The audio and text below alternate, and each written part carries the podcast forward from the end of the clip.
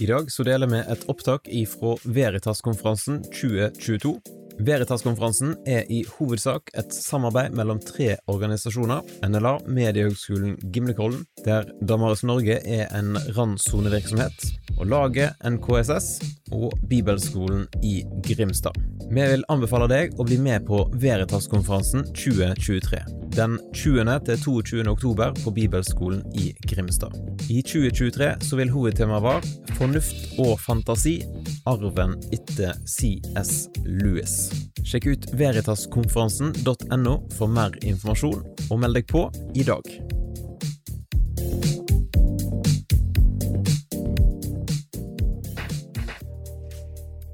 Ja, velkommen til mitt seminar. Jeg heter eh, Rebekka Pettersen, og jeg er eh, gift med han eh, kjekke latinoen som sitter baki der. Og så har jeg en liten gutt som også er med oss. Dere kommer helt sikkert til å høre han litt. Forhåpentligvis ikke altfor mye. I så fall så, så blir det tatt hånd om. Hva mer skal jeg si om meg sjøl, da? Jeg jobber for tida i laget. Det har dere helt sikkert Ja. Lukas er vår nye trainee. Han kan dere snakke med om laget hvis dere har noen spørsmål. Og jeg jobber da i Oslo region øst, altså Viken, og jeg elsker jobben min. Det er en utrolig meningsfull jobb. Og tenk at jeg får lov til å holde på med det jeg elsker aller mest hver dag, som er å følge Jesus og gå sammen med andre på den veien. Det er helt utrolig. Um, I 2014-15 så gikk jeg på Akta bibelskole i Stavanger. Woo! Solvår var min lærer på bibelskolen. Hun har med seg to elever her til Veritas-konferansen. Eh, og jeg kan jo bare benytte anledninga til å si noen varme ord om, eh, om det å gå på bibelskole. Det anbefaler jeg absolutt alle å gjøre. Eh, Akta er et godt alternativ. Big er et godt alternativ.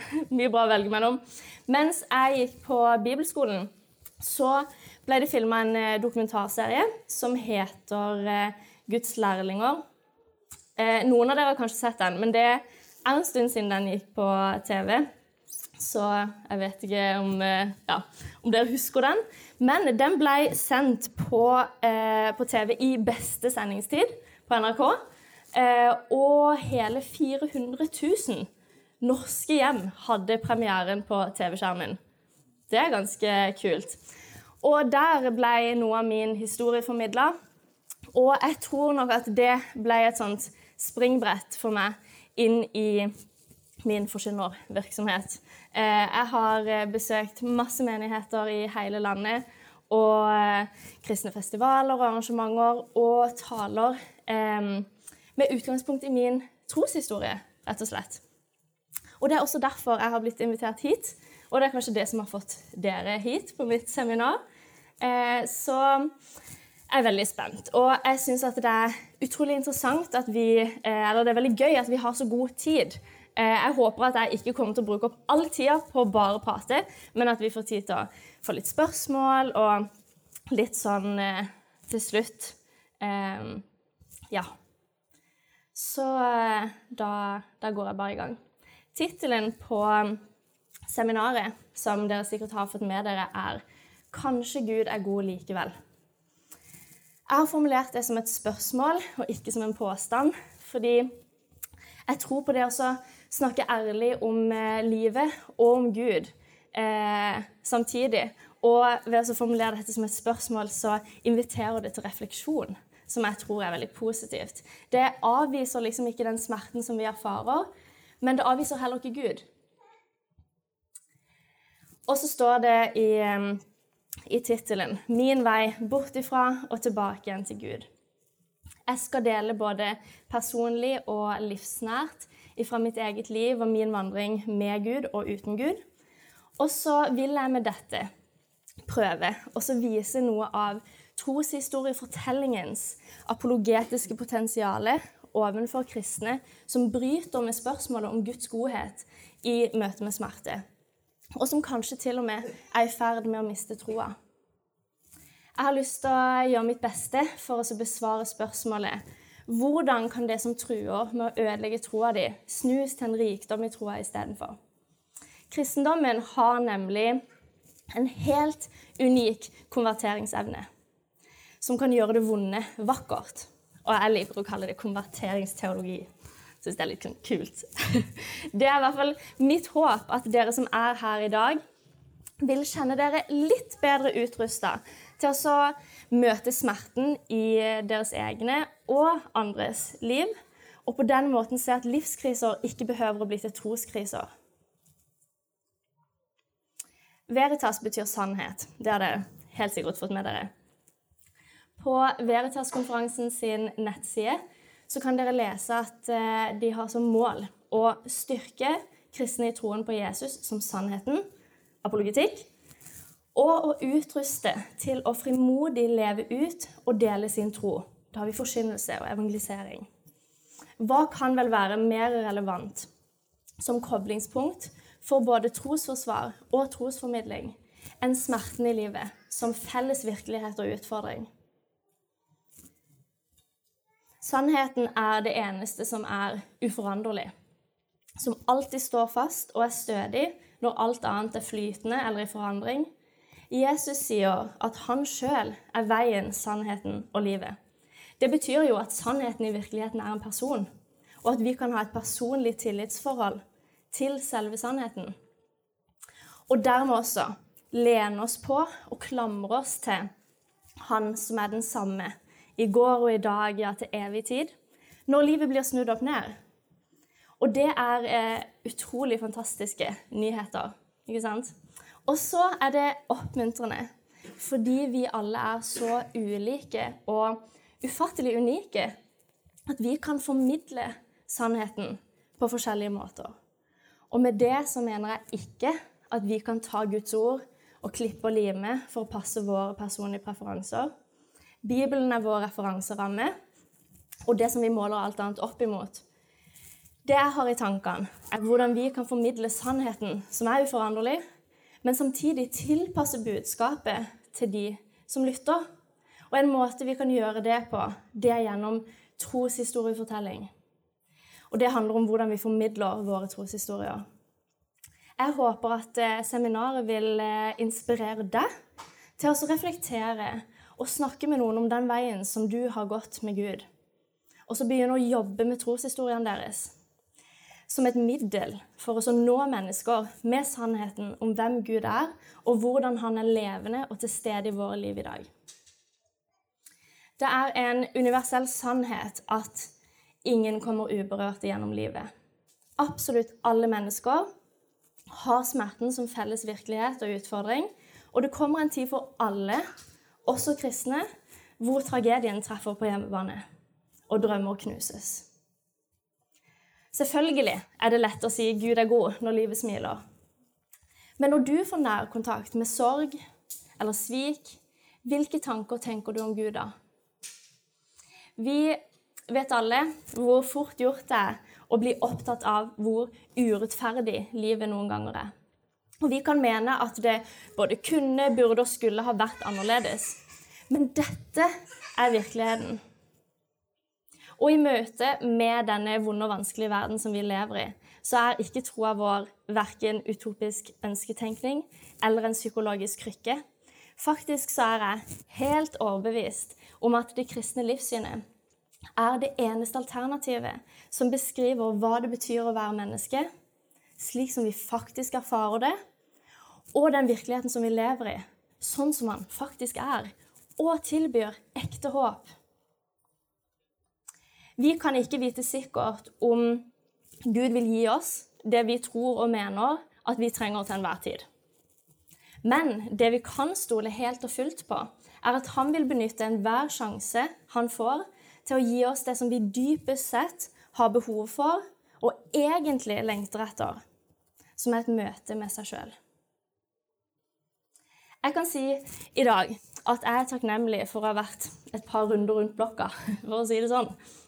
Som seminarbeskrivelsen avslører, så skal dere få høre meg fortelle noe av det som jeg har vært igjennom i løpet av mitt liv eh, i det vi beveger oss mot troshistoriefortelling. Men jeg har lyst til å si dette innledningsvis. fordi jeg har erfart det, at det er noe av virkelig verdi som vi går glipp av når vi lider alene. Dessverre så er det mange, til og med kristne, som ikke aner at det å lide sammen med Gud er et alternativ i møte med smerten. Som om gudslivet er reservert for de gode dagene. Men det er sider ved Gud og dybder i hans kjærlighet som vi ikke kan lære å kjenne på de gode dagene. Og så vil jeg samtidig argumentere for at det finnes verdifulle kvaliteter som er helt nødvendige i våre nære relasjoner med andre mennesker, som vi ikke kan skaffe oss, men som må bli til gjennom erfaring. Og Det vil jeg komme tilbake igjen til, men det tar meg videre til neste punkt. Nettopp fordi Gud sjøl ble menneske og flytta inn i nabolaget, og i løpet av sitt liv og sin tjeneste opplevde ytterkantene av hva det betyr å være menneske, så kan den allmektige Gud, himmelens og jordens skaper, ha ekte medfølelse med oss, og kanskje enda viktigere lide sammen med oss. Og dessuten gjøre noe med det til slutt. Dette skal vi også mer inn på etter hvert. Men å kjenne Jesus er også å kjenne hans smerte. Det skal godt gjøres å lese evangeliene og ikke bli dypt grepet av de detaljerte skildringene av det som skjedde på korset. Her viser Gud oss på den mest konkrete måten og hever dermed over all tvil at han er en Gud som involverer seg i det som berører oss. Og han skygger ikke unna smerten. Tvert imot så gjør han det motsatte.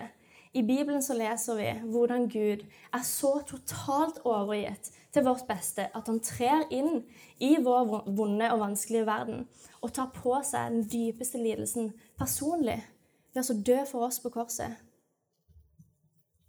Og jeg har lyst til å dykke enda litt dypere inn i dette, og jeg bare griper muligheten til å preache litt for dere. For hvis jeg skal ta utgangspunkt i det som skjedde på korset for dette seminaret, for oss å snakke om å leve et korsforma liv, så må jeg nesten også få si noe om nettopp det som skjedde der. Ikke i en liten setning eller i forbifarta, men på en beskrivende måte som gjør at vi har det ferskt i minnet og virkelig føler tyngden av det. Før Jesus blir grepet og korsfestet, så står det i Lukas 22, 39-46. Han gikk ut og dro til Oljeberget. Der falt han på kne, ba og sa, Far, om du vil, så la dette begeret gå meg forbi. Men ikke la min vilje skje, bare din. Da viste en engel fra himmelen seg for han og styrka han. Og han kom i dødsangst og ba enda mer inntrengende, og svetten hans ble som bloddråper som falt ned på jorden. Så sto han opp fra bønnen og kom til disiplene sine. La dere merke til at dødsangsten kom etter at engelen hadde styrka han.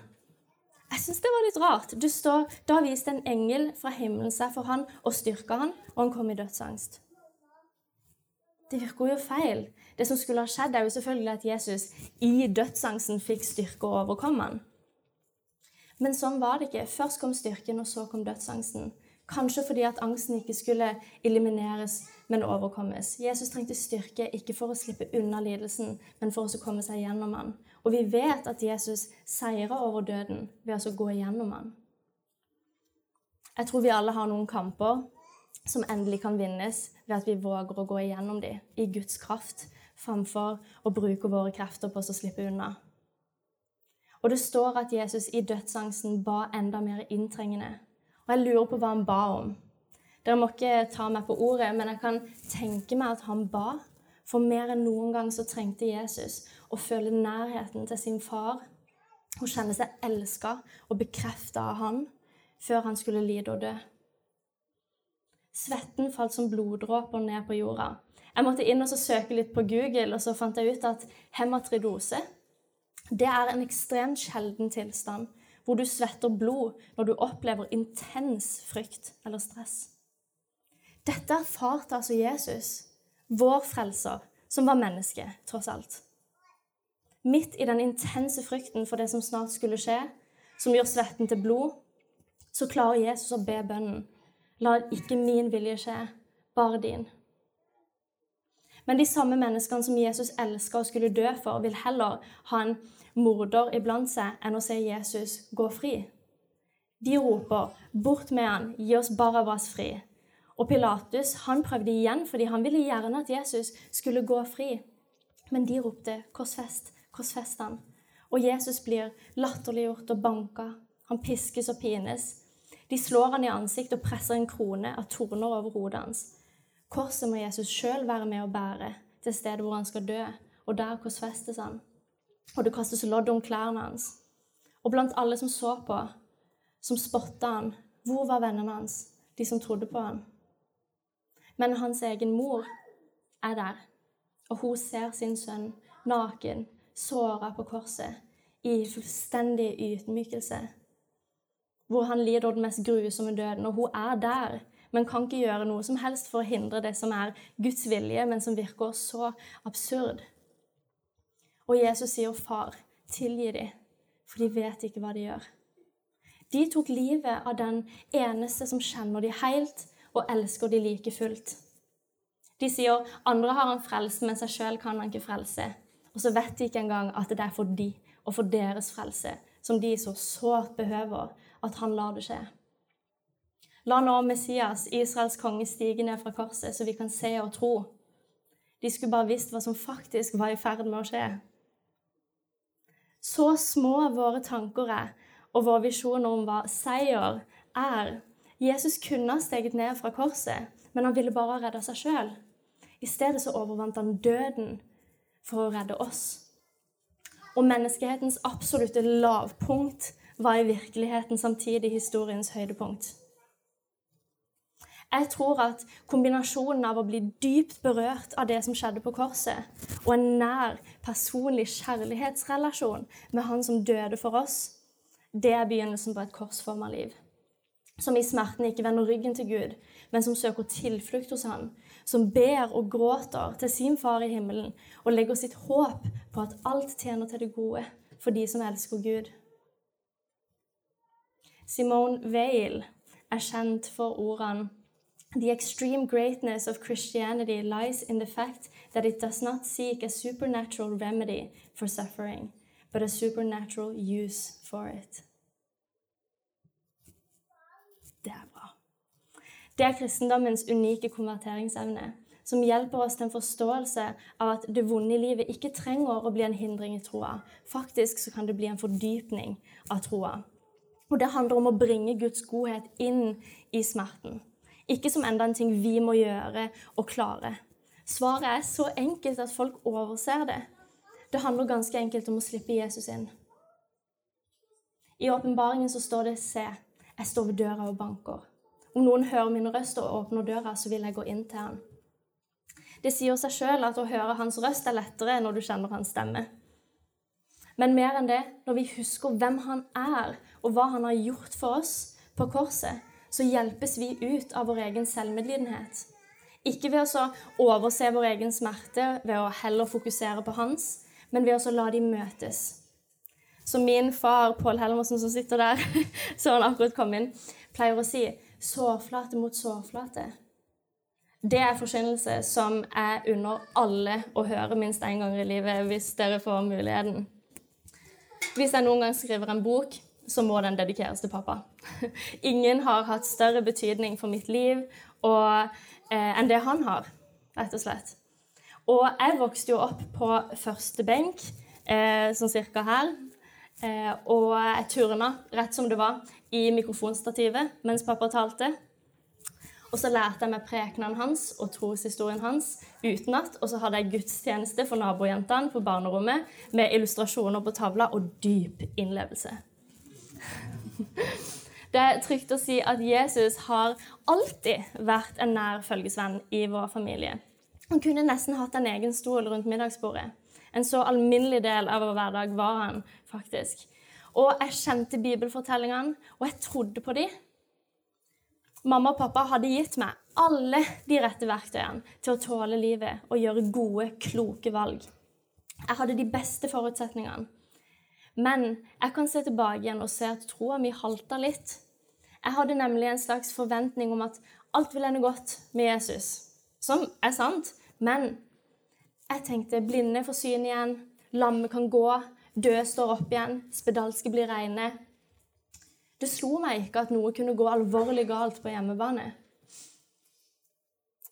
Og så kommer det en dag for alle unge kristne hvor det vil vise seg om Guds tro er deres egen, eller om han er mamma eller pappas. Hvor det ikke holder å bare kunne svarene, men rett og slett blir nødvendig å erfare dem.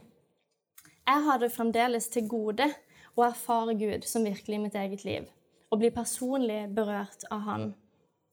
Og jeg tror det var denne kombinasjonen av en slags sånn falsk forestilling om hvordan Gud burde handle i livene våre, og en litt sånn umoden relasjon til Han, som gjorde at den tidlige livskrisa ble til en troskrise.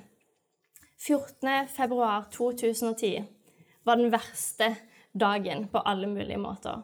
Valentinsdag og morsdag kommer aldri til å bli det samme igjen. Det var på Sørlandet sykehus at jeg og mine tre små søsken satt på sengekanten til mamma, som hadde kjempa mot kreften i fire år. Og hun sa sine siste ord til oss. Selv om dere mister meg, så må dere ikke miste Jesus. Hun kunne ikke vite da at det var nettopp det som ville skje med meg. Men jeg tok vare på disse ordene i hjertet mitt, og jeg tenker fortsatt på det i dag. Hva er det hun hadde erfart med Jesus?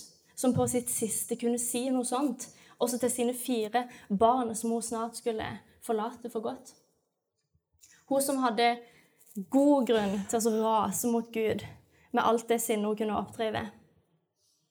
Enten er han død, eller så er han døv, hadde jeg tenkt. Sannsynligvis det siste. Det er vanskelig å ha et personlig forhold til en usynlig Gud. Men det blir nærmest umulig å ha en nær relasjon og føle nærhet til en tilsynelatende passiv Gud. Som ikke har besvart den ene og viktigste bønnen som vi og hundrevis av andre hadde bedt om helbredelse de siste fire årene. Men i stedet så gikk mamma døden i møte med blikket vendt framover og med håp i behold. Og i en eneste setning så klarte hun å gi oss noe å holde fast ved i det vi skulle miste hun som har båret oss og vært vår trygge havn hele livet. Selv om dere mister meg, så må dere ikke miste Jesus. Den natta så mista jeg mamma, og troa mi forsvant med henne. Ikke troa på Guds eksistens nødvendigvis. Men jeg var bare 14 år, og jeg var overhodet ikke forberedt på å skulle møte den brutale virkeligheten med troa mi som forsvar. Og som det skulle vise seg, så var veien kort ifra tro til tvil. Jeg ble oppslukt i spørsmålet om Guds godhet. Hvordan kunne han la mamma, en hengiven etterfølger av Jesus, pappas kone gjennom 19 år, mor til fire små barn, dø? Jeg var sint, og jeg var skuffa over hvordan livet hadde blitt når jeg tenkte på hvordan livet skulle ha vært. Bare halvannen måned seinere skulle jeg stå til konfirmasjon på trappene til voksenlivet i mammas bunad som jeg skulle ønske at jeg visste da, det som jeg vet i dag. At det er sant, som pappa alltid hadde sagt. At det er uendelig mye bedre å lide med Jesus enn å lide alene. Men hvordan lever du egentlig videre etter at mammaen din og selve livsgrunnlaget, troa di, er død? Jeg hadde jo vært sikker på at det var nettopp den som skulle beskytte meg, som skulle beskytte mamma, at troa skulle bære oss igjennom. Om ikke Gud virkelig var død, så var han i hvert fall død for meg. Alle på skolen visste at jeg var pastordatter, og at jeg var kristen. Det var det i hvert fall ingen tvil om etter første RLE-timen i åttende, da jeg stolt folda hendene og viste alle at jeg kunne Johannes 3, 16 utenat, og avslutta med 'amen'. Se for dere den derre kollektive sjokkbølgen som inntraff skolegården idet jeg dukker opp dagen etter mamma døde med piercing i navlen og røyk i hånda.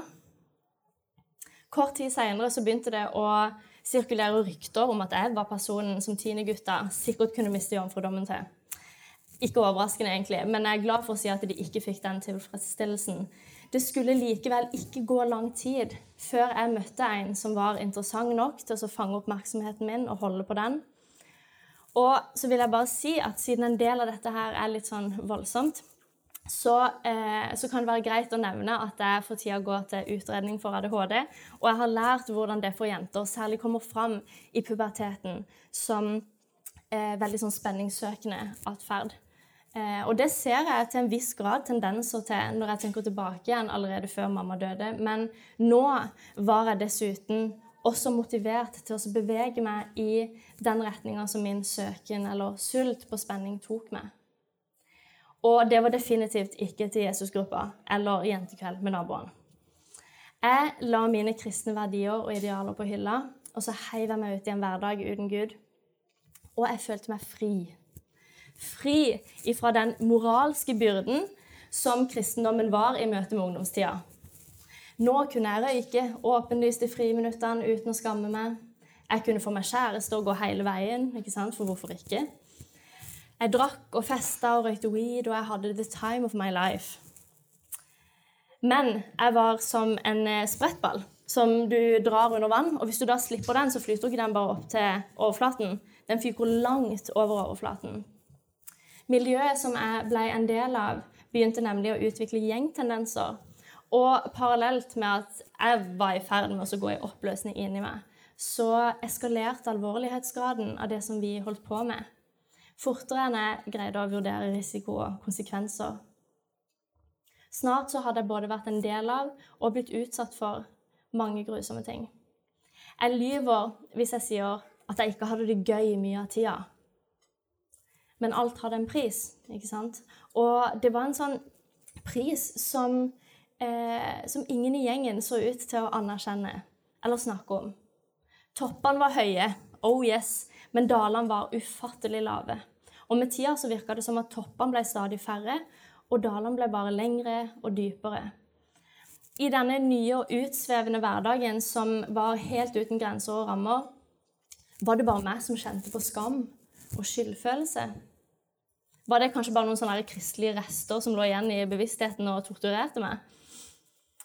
Jeg kunne aldri vite hva som venta rundt neste sving. Og på ett nivå så var jo nettopp det noe av spenningen.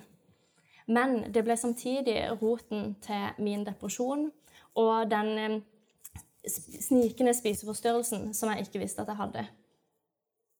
Ville vi ha et greit sted å være i dag, eller skulle vi ende opp i den kalde, skitne bunkersen bak Mandalshallen igjen?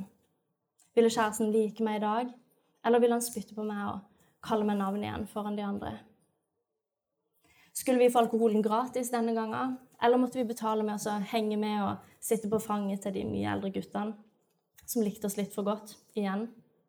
Ville vi få skyss dit vi skulle, eller ende opp et helt annet sted enn vi hadde tenkt? I bilen på vei hjem så fortalte pappa meg, med kvalt gråt i halsen, en dag at eh, Sara, lillesøstera mi, hadde sagt til han, 'Pappa, jeg føler at jeg er den eneste jenta igjen i familien.' Vi mista jo mamma, men vi har jo egentlig mista Rebekka også. Jeg følte med henne, og jeg kjente alvoret i, i situasjonen. Men jeg ante ikke hva jeg skulle gjøre med det. Det virka livsviktig for meg å holde meg opptatt, og holde sorgen på avstand.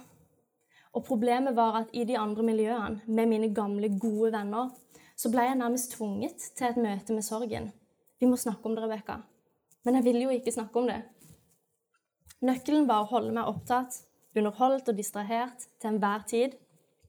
Og sjeldent eller aldri være aleine med mine egne tanker. Men ensomhet, usikkerhet, skam, depresjon kom krypende. Og jeg satt liksom på spissen av et isfjell av mine egne løgner, og det var ubehagelig, for å si det mildt. Og jeg begynte å bli plaga av dårlig samvittighet. Det var den nye hverdagen. Det er herlig å være fri. hæ? Situasjonen hadde nådd nye høyder og ble faktisk et problem for byen vår. Et eller annet sted så har jeg et uh, avisutdrag med sitatet er redd for å gå ute på kvelden' som overskrift i en sak om oss. Hun som sa dette, skulle jeg senere bo i kollektiv med og få et godt forhold til, så det er jo pussig hvordan ting forandrer seg. Men mye måtte til for å forandre ting den gangen. I månedsvis så jobba jeg hardt med å erstatte sorgprosessen med spenning og distraksjoner. Men så en dag så sto jeg plutselig ovenfor mine gamle, gode venner, som sto sammen med resten av ungdomsmiljøet i Mandal for protestdemonstrasjon imot oss. Der ble jeg virkelig stilt ansikt til ansikt med meg sjøl, med den jeg hadde blitt, og den jeg en gang var. Og sannheten er at jeg ikke kjente meg igjen på noen av sidene. Vennene mine ble kjørt bort i politibiler, og jeg ble stående igjen alene nok en gang. Det var for så vidt en av de få frynsegodene med å være den eneste jenta i eh, dette miljøet. Men der jeg sto alene med min ensomhet og forvirring, så hadde faktisk baksetet av politibilen med de andre vært å foretrekke. Da mamma døde, så hadde jeg som mål å fortsette som normalt. Det var jo derfor jeg gikk på skolen allerede dagen etter hun døde. Men det var ingenting normalt med måten jeg levde livet mitt på. 14 år, sex, alkohol, slåsskamper, rus, festing. Ett overgrep etter det andre. Livet var fullstendig ute av kontroll.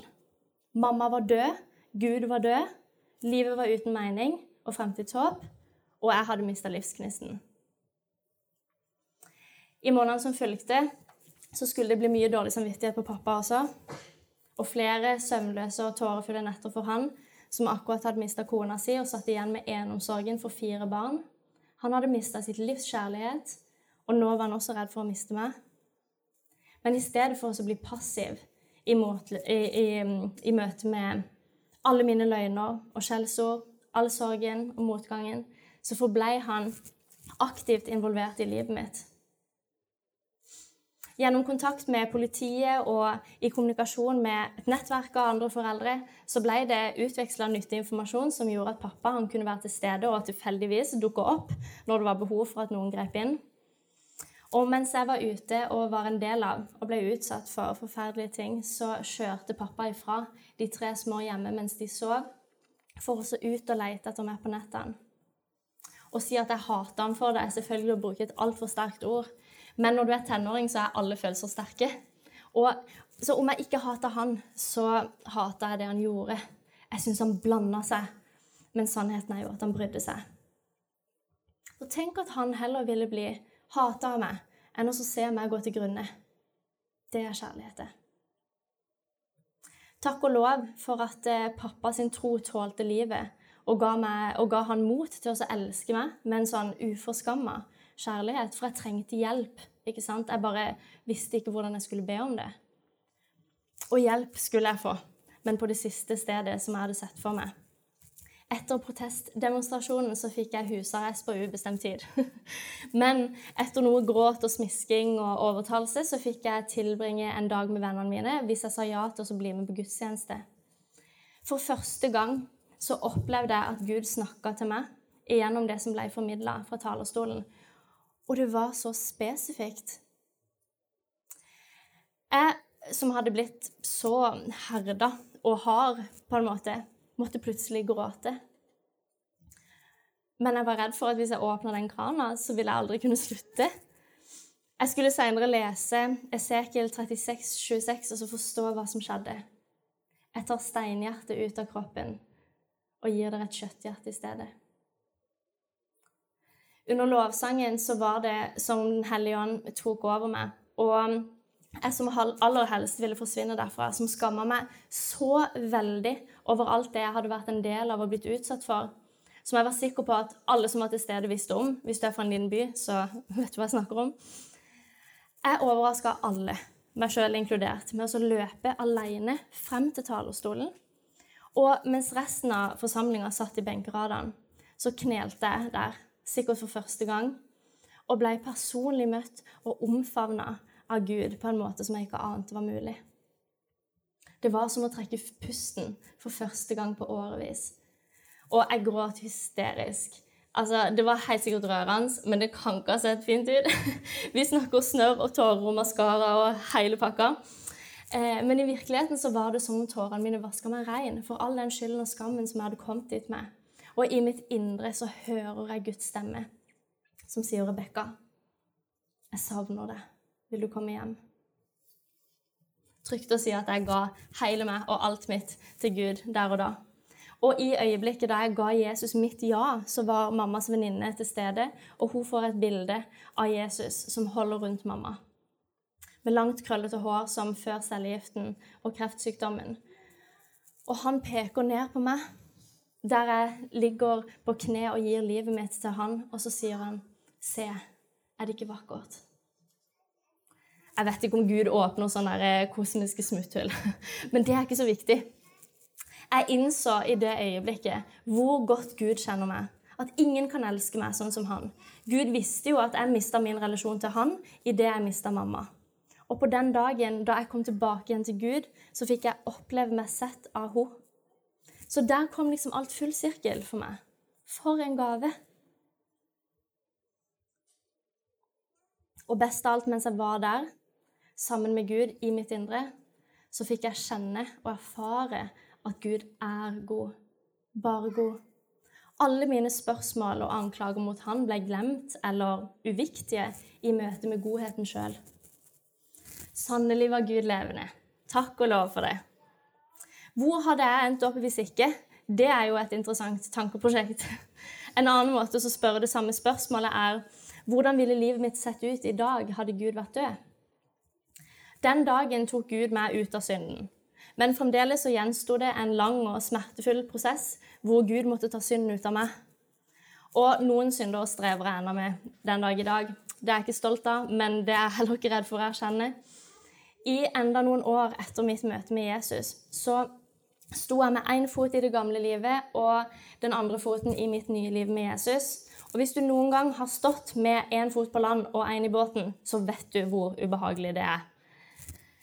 Jeg opplevde akkurat det faktisk en gang på båttur med eh, kjæresten min på videregående og familien hans. Det var, det var basar på en øy utenfor Kristiansand, og jeg fikk det ærefulle oppdraget om å skulle liksom, legge båten i land. Og jeg tar ett skritt opp på brygga og kjenner at shortsen revner helt ifra skrittet hele veien opp til liksom, livet bak. Jeg hadde ikke med meg noe skift. Så jeg bare måtte gå sidelengs hele dagen og bare håpe at ingen så det. Og drømte meg bort derfra. Det som den der pinlige historien der eh, viser på en ganske god måte, er at noe vil revne hvis du lever et splitta liv. Men pga. dette så kan jeg med ganske stor selvtillit eh, forutsi hvilket liv jeg ville levd i dag. Kanskje, i hvert fall skulle jeg ikke ha valgt Jesus på ordentlig. I en kald, skitten leilighet i en annen by med en kjæreste som sjeldent eller aldri ville hatt noen gode ord til meg. Høy på weed hele dagen, kanskje. Uten evnen til å holde på en god jobb eller ivareta noen relasjoner. Ingen venner, ikke noe fellesskap. Bare meg sjøl og minnet om en Gud jeg en gang kjente. Og savnet etter å finne hvile hos Han. Jeg ville i hvert fall ikke vært gift, mamma til Noah Matheo og i en fantastisk meningsfull jobb. Folk kan mene mye forskjellig om det som skjedde den dagen, og argumentere for at kanskje det bare var kroppen som spilte et slags psykologisk triks på det. Jeg støtter meg på ordene til C.S. Lewis. Jeg har ingen svar lenger, bare livet jeg har levd. For det som skulle vise seg i sorgen og smerten, i møte med tapet, krenkelsene, sviket og skammen, så var det ikke de mange gode og overbevisende gudsargumentene som lega mine sår og ga meg nytt håp, men erfaringen av Guds godhet midt i det vonde. Jeg kan bare be om at Gud må åpenbare seg for de som tviler, sånn som han gjorde for meg. For vår evne til å overbevise kan bare ta oss så langt. Gud må på et tidspunkt ta over jobben og fullføre den. Men vi kan benytte hver sjanse vi får til å fortelle andre sannheten om hvem Gud er, og hva han har gjort i våre liv. Som jeg så vidt har nevnt innledningsvis og i seminarbeskrivelsen, så tror jeg at det finnes et ubenytta apologetisk potensial i troshistoriefortellingen. Jeg ser det hele tida, der jeg får sjansen til å fortelle folk om det som Gud har gjort i mitt liv. At gudsbilder blir helbreda. At folk ser nye muligheter der de trodde alt håpet var ute. Jeg husker fremdeles første gang jeg delte vitnesbyrdet mitt på et ungdomsmøte her i Grimstad. faktisk. Jeg snubla i ordene på et tidspunkt så knakk stemmen min. Eh, og når jeg fortalte om mamma, så begynte jeg å gråte litt, og jeg glemte hvor jeg var. Altså, Det føltes ut som en eneste stor fiasko alt sammen. Eh, og jeg tenkte hva er det jeg holder på med? Her står jeg og forteller om det vondeste og vanskeligste i livet mitt. Alt det som jeg skammer meg så enormt mye over, og med god grunn, ikke sant, for å peke på Jesus. Hvorfor all verden trodde at dette her var en god idé? Men det jeg ikke ante, var at den salen som var full av mennesker, vanligvis ikke var det. Under selve møtene så pleide noen veldig få å sitte igjen. Men denne gangen så var det bare noen veldig få som gikk ut. Og jeg hadde på forhånd sagt ja til å ta en frelsesinnbydelse, så jeg måtte bare bite i det sure eplet og få det overstått. Men til min store overraskelse så var det 19, 19 ungdommer som reiste seg og kom fram til scenen for, for forbønn og ta imot Jesus. Jeg kunne ikke tro det. Og den dagen den forandra alt for meg, bokstavelig talt. Fordi den kjipe fortida mi den var ikke bare kjip lenger. Den var også nyttig. Jeg kunne bruke den til noe godt for andre. Life-changing. Hvis vi gir slipp på tanken om at livet skulle ha vært annerledes, og at Gud skylder oss å gjøre livet komfortabelt igjen, men tar utgangspunkt i virkeligheten sånn som den faktisk er, da finner jeg langt mer trøst og håp i Bibelen, som gir en nøyaktig, realistisk og gjenkjennelig beskrivelse av det som vi erfarer, enn i en sånn utopisk forestilling av framtida som det ikke finnes noe bevis for at vi kan klare å skape på egen hånd. For det finnes jo ingen versjon av virkeligheten hvor smerte og lidelse ikke er en del av pakka. Men det stokker på innsatsen. Mye er testa og prøvd for å kunne, kunne kurere dette dypt menneskelige problemet, men ingen har noensinne lykkes. Bare tenk på teknologien og informasjonen som vi har i dag. De, altså de mest utroligste ting utvikles, man kurerer de mest aggressive sykdommene. Likevel så er verden gjennomsyra av urettferdighet og sjalusi, hat og ondskap. Ekteskap går i oppløsning, barn blir misbrukt, krig, korrupsjon. Lista er lang. Ikke sant? Vi kan kanskje lykkes i å diagnosere verden, men neppe å kurere den. For vi har et hjerteproblem. Og fordi at jeg har erfart at Gud har kurert mitt hjerteproblem, mitt personlige hjerteproblem, og fortsetter å gjøre det den dag i dag, så kan jeg stole på det håpet som kristendommen tilbyr om en fremtid, hvor døden ikke skal være mer, heller ikke sorg eller skrik eller smerte, hvor det som var, er borte. Det er kanskje ikke svaret vi aller helst ønsker oss nå, men det er et godt svar på det ondes problem likevel. At Jesus seirer over døden, betyr at vår redning allerede har funnet sted. Så noe har Gud allerede gjort. Men så kommer det også en dag der han skal tørke bort hver tåre fra deres øyne, som det står i åpenbaringen. Jeg kan knapt tenke meg et mer sårbart øyeblikk enn dette. Å være så nær i noens smerte at du tørker bort tårene deres. Det er noe helt annet enn å tørke dine egne tårer, som i virkeligheten er realiteten til syvende og sist hvis Gud er død. Jeg er som sagt helt overbevist om at det er noe vi går glipp av når vi lider alene. Det er sider av Gud som vi ikke kan lære å kjenne på de gode dagene. I boka 'Når drømmer brister' Guds uventede vei til glede, så skriver Larry Crabb lidelsen er en mulighet til å bli omfavna.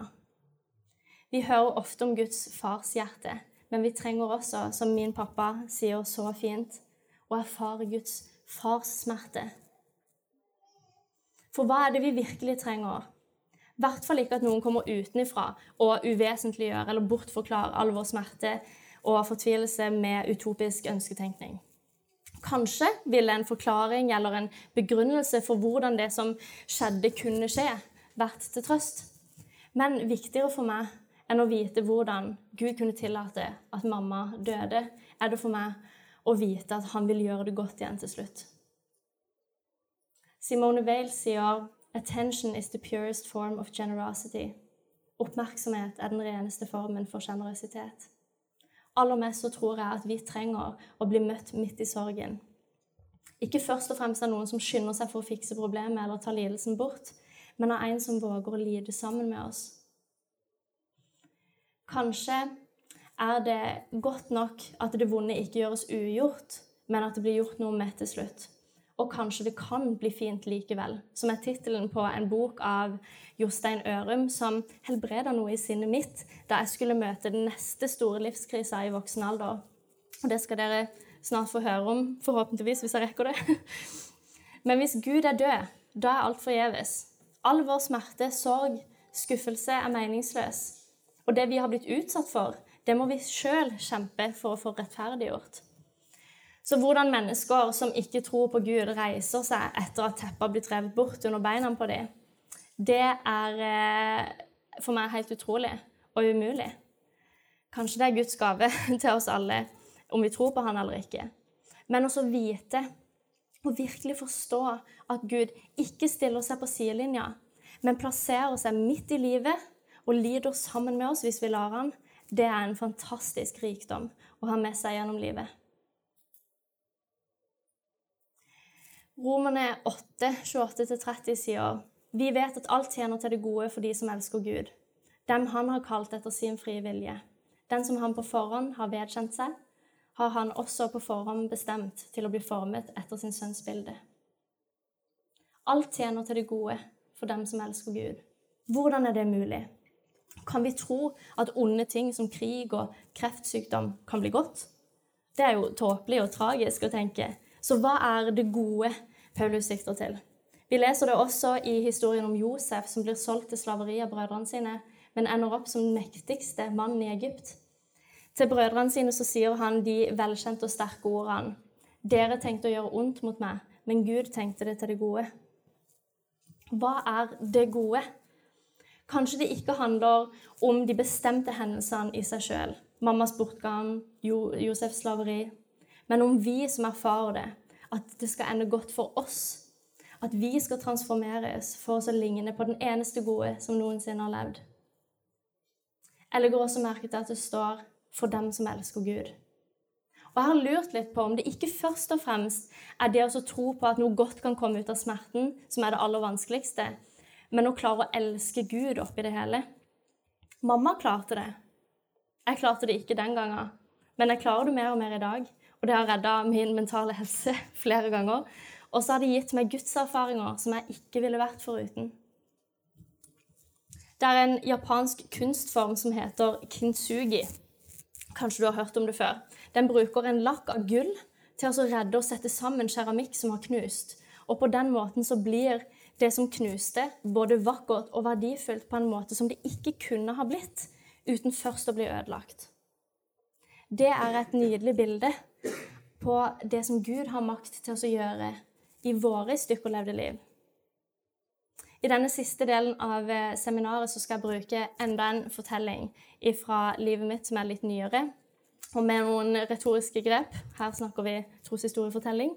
Så er målet som sagt å vise noe av kristendommens unike evne til å gjøre det vonde vakkert. Det var på vår første date at eh, Jonathan, som jeg er gift med i dag, fortalte at han skulle bli pappa. Og jeg skal ikke si for mye om det, det er hans historie å fortelle. Eh, men han var ikke utro, bare uforsiktig. Hans sårbarhet og ydmykhet imponerte meg. Og jeg bestemte meg for at jeg ville fortsette å bli kjent, og vi forelska oss. Og jeg begynte å bli plaga av tanken på at mannen som jeg elska, snart skulle bli pappa for første gang uten meg. Jeg kjente på et utenforskap i mitt eget forhold og en ensomhet i det jeg gikk igjennom. Ikke engang på Google så kunne jeg finne en eneste fortelling om noen som hadde kommet igjennom dette på en god måte. Dessuten så lurte jeg på hva folk ville tenke om oss. Jeg har aldri lest et eneste eventyr eller sett en film hvor stemora blir fremstilt på en god måte. Var dette egentlig det rette valget? Skulle det endt på en annen måte? Den viktigste personen i dette forholdet var jo det lille barnet i mors mage. Det krevde mange tøffe samtaler av oss. Da vi forplikta oss til hverandre, så forplikta vi oss også til barnets beste. Og jeg måtte gi opp de fremtidsplanene om det familielivet som jeg hadde drømt om siden jeg var liten. Og jeg tenker på friheten til å flytte hvor enn livet tar oss. Misjonsarbeid i Asia eller Sør-Amerika. En småbarnstilværelse nær familien min på Sørlandet. Disse drømmene måtte jeg legge fram meg, uten å få noe håndgripelig i bytte. Fremtiden var liksom et eneste stort spørsmålstegn med noen veldig bestemte rammer. Og det syns jeg var tøft å akseptere. Og så var det en stor sorg for meg at jeg ikke ville oppleve å bli foreldre for første gang sammen med Jonathan. Det var noe som jeg fort, fort forsto at jeg trengte å gå til veiledning for og prosessere og sørge over. Og så var jeg dypt plaga av tanken på at Jonathan skulle være involvert med en annen kvinne på en så meningsfull måte resten av livet. Det var en helt vanlig dag. Jeg overhørte Jonathan på telefonen med sin mor. Han hadde glemt å fortelle meg at fødselen skulle igangsettes om et par dager. Følelsen det vekte i meg, kom like overraskende som beskjeden. Jeg måtte bare dra hjem med en gang, men jeg betalte først 20 kroner for å gråte litt på toalettet på Oslo S i en halvtime. Jeg måtte etter hvert samle meg og så dra derfra. Men det var som om all spenningen eh, som hadde liksom bygd seg opp i løpet av de siste seks månedene, var i ferd med å nå klimaks. Og jeg bare tror ikke at det går an å forberede seg tilstrekkelig på det. På T-banen så var det som om jeg bare fullstendig mista evnen til å kontrollere meg sjøl og følelsene mine. Jeg gråt. Jeg bare satt og gråt og gråt. Og folk kunne se meg fra alle kanter, ikke sant? fordi jeg satt liksom foran døra. Så det satt folk på den sida, på den sida og foran overalt. Jeg har aldri savna solbrillene mine så mye. Det var 20 lange minutter. Og det smerter meg å fortelle at det lykkeligste øyeblikket i Jonathan sitt liv så langt, da Ester skulle bli født, var samtidig et av de vondeste i mitt eget liv. Jeg ønska så gjerne å dele gleden hans, men jeg makta det ikke. Jeg drømte jo om å bli mamma, ikke stemamma. Dessuten så hadde jeg fått høre av legen at jeg kunne ha vanskeligheter med å få barn sjøl. Kanskje det eneste som jeg bestandig har vært helt sikker på, var jo akkurat det, at jeg ville ha barn og være mamma. Og da, da jeg fikk møte Ester for første gang, så lå hun på ryggen i fanget til sin mor. Hun og Jonathan satt sammen og kikka ned i det ufattelig søte, lille ansiktet, mens jeg satt i en sofa for meg sjøl og så på de. Og jeg har aldri følt meg så ensom i et rom med mange andre mennesker. Men det går bra, Rebekka, tenker du nok. For du elsker henne selvfølgelig som om hun var din egen. Men det kan jeg ikke si at jeg gjør, for det er hun ikke. Hvis Gud hadde vært død, så ville kanskje ikke historien vært mer enn dette.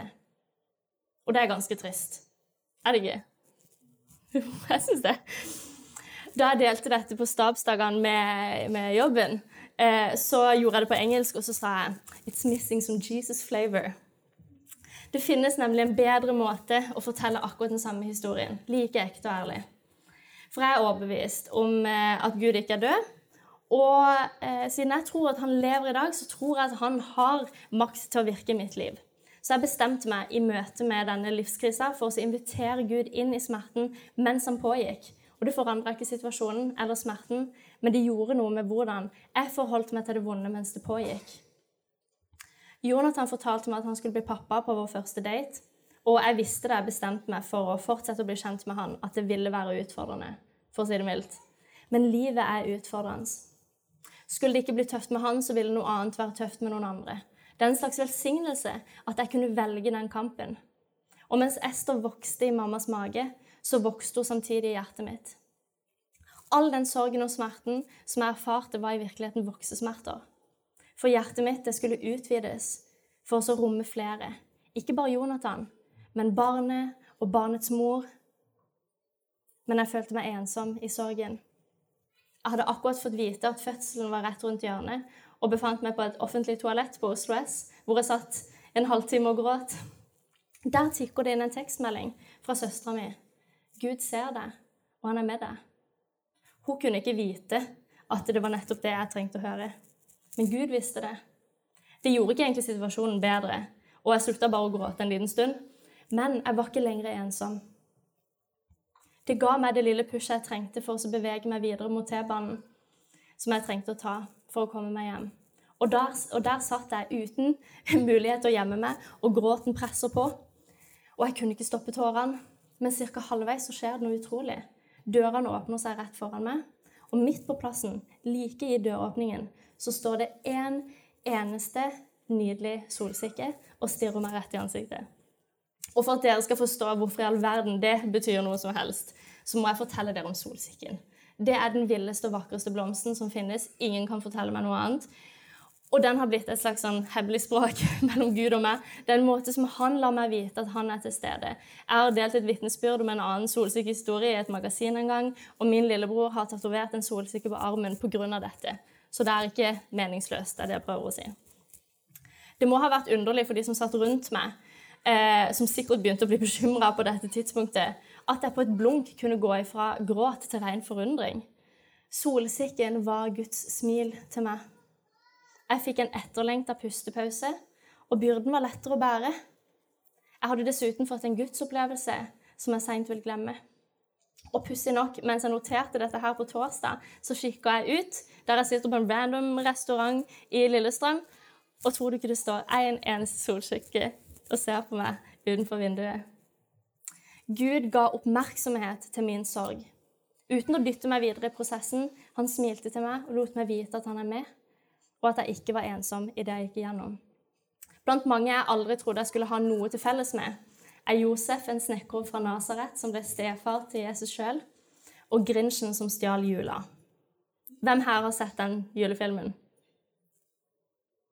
Ja, ok, det er i hvert fall noen. For dere som ikke har sett den. Grinchen var en grønn, hårete skapning med et bitte lite hjerte som hata at alle gleda seg, og så bestemte han seg for å stjele jula. Men så kommer det en scene hvor det endrer seg. Hvor han vrir og vender seg i smerte, og så sier de And his heart grew three whole sizes that day. Så ser dere at hjertet hans vokser. Det er en ganske nøyaktig beskrivelse av hva Gud gjorde i meg, og hvordan jeg opplevde det. Hjertet mitt vokste og ble større, og det gjorde vondt, men det var godt. Er du klar over hvor mye hjertet ditt kan tåle å holde ut? Hvor mye det kan romme?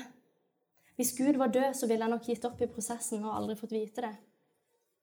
Hva dette har gjort for meg og Jonathan nå som vi har kommet ut på andre sida, er uvurderlig. vi har lært oss å snakke sammen og gråte sammen. Det har lært oss å tåle hverandres følelser og tillate hverandre å være i prosess. Det har styrka relasjonen vår enormt. Og jeg er velsigna i dag med ei fantastisk storesøster til min lille gutt og et personlig forhold til henne som er helt unikt. Og jeg elsker henne. Ikke som min egen, for det er hun ikke. Men den kjærligheten som vi har, er en helt egen kjærlighet. Den kom ikke av seg sjøl. Den ble valgt og kjempa for, og den kosta meg dyrt. Kan du tenke deg noe så verdifullt? Gjennom dette så erfarte jeg at hjertet mitt var trygt hos Gud. Fremtida ble ikke sånn som jeg en gang så for meg, eller sånn som jeg håpte, men det ble fint likevel. Kan vi klare å ta med oss Guds godhet inn i smerten, så begynner det å ligne på et korsforma liv. Og det vonde kan sannelig bli vakkert. Det kristne livssynet det er altså ikke utopisk ønsketenkning eller en psykologisk krykke. Det fjerner ikke smerten, og det tar ikke bort det som har skjedd. Men det gir oss mot til å stå i det, og så gir det oss styrke til å leve i det spenningsfeltet mellom paradis og virkelighet, hvor livet er både vondt, men verdt det samtidig. Og kommer du ut av smerten på en god måte, så ville du ikke vært foruten. Vi har alle hørt ordene, kanskje til og med fra vår egen munn en gang. Jeg ville ikke vært den jeg er i dag, hadde det ikke vært for nettopp det. Det står så fint i boka 'Når drømmer brister' at morgenen vil komme.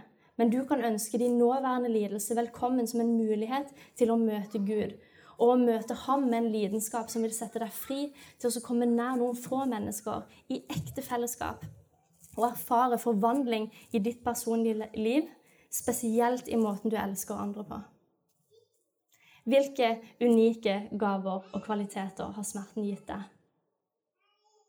Kanskje innsikt, empati, forståelse, tilstedeværelse. Ingen av delene kan du kjøpe eller lese deg opp til. Og dette er det jeg har lyst til at du skal ta med deg i dag, grunne på. Og så vil jeg bare avslutte med dette verset fra Johannes 1,5. Lyset skinner i mørket, og mørket har ikke overvunnet det. Nå lurer jeg veldig på hvordan jeg ligger an sånn tidsmessig. Jeg er vel kanskje på minuttet, er jeg ikke det? Ja. Da ble det ikke tid til spørsmål, men jeg skal være her eh, resten av dagen. Jeg skal være her litt i morgen. Eh, og jeg snakker gjerne med dere, så hugg tak i meg for en samtale eller et kjapt spørsmål. Eh, ellers så finnes jeg på sosiale medier, eh, så det er bare å sende meg melding der. Takk for meg.